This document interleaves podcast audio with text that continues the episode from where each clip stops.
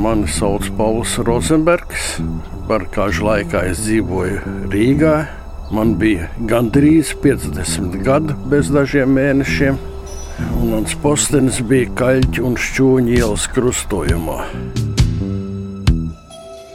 Šis stāsts būs personiskāks par citiem, jo Pauls Rozenbergs ir mans tētis.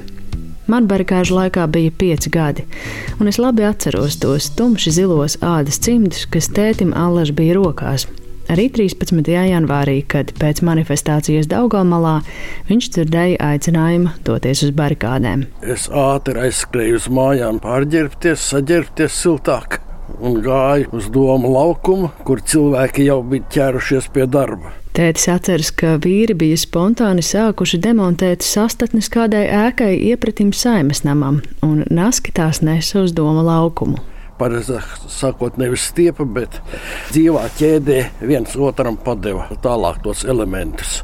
Man bija rokās pilnīgi jauni cimdi, šie te, kas toreiz bija liels retums.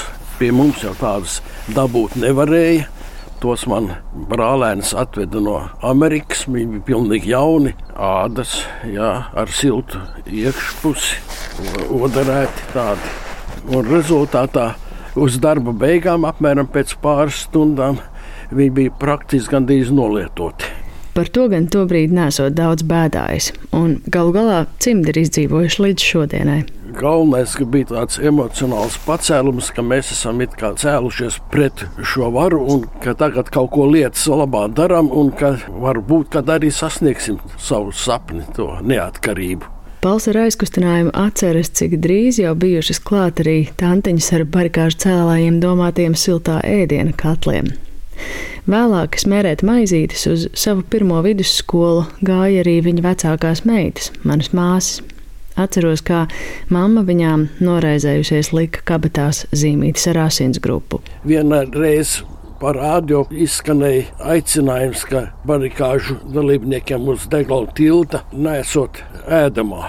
Mūsu meitas mājās steidzīgi sasmērēja maizītes, kāds nu varēja un buļļonu sataisīja un skrien uz turieni pretī nāk jau tantiņas ar katliem. Nevajag, nevajag, tur vairs nevajag. tur visiem ir pārpildīts. Sanēs no visām malām tā, ka nevarēja apēst cilvēkiem. Tā kā atsaucība bija neaprakstāma. Pats par sevi saprotams, likās arī aicināt uz mājām nomazgāties tos barikāžu sargus, kuri bija sabraukuši no citām Latvijas malām. Nu, sajūta bija nu, vārdos grūti izsakām. Ja naktī pārgulēja, tad no rīta ejot uz savu posteni, izgāja no mājas. Tā doma, ka nu, nezinu, vai vakarā pārnāks vai nepārnāks.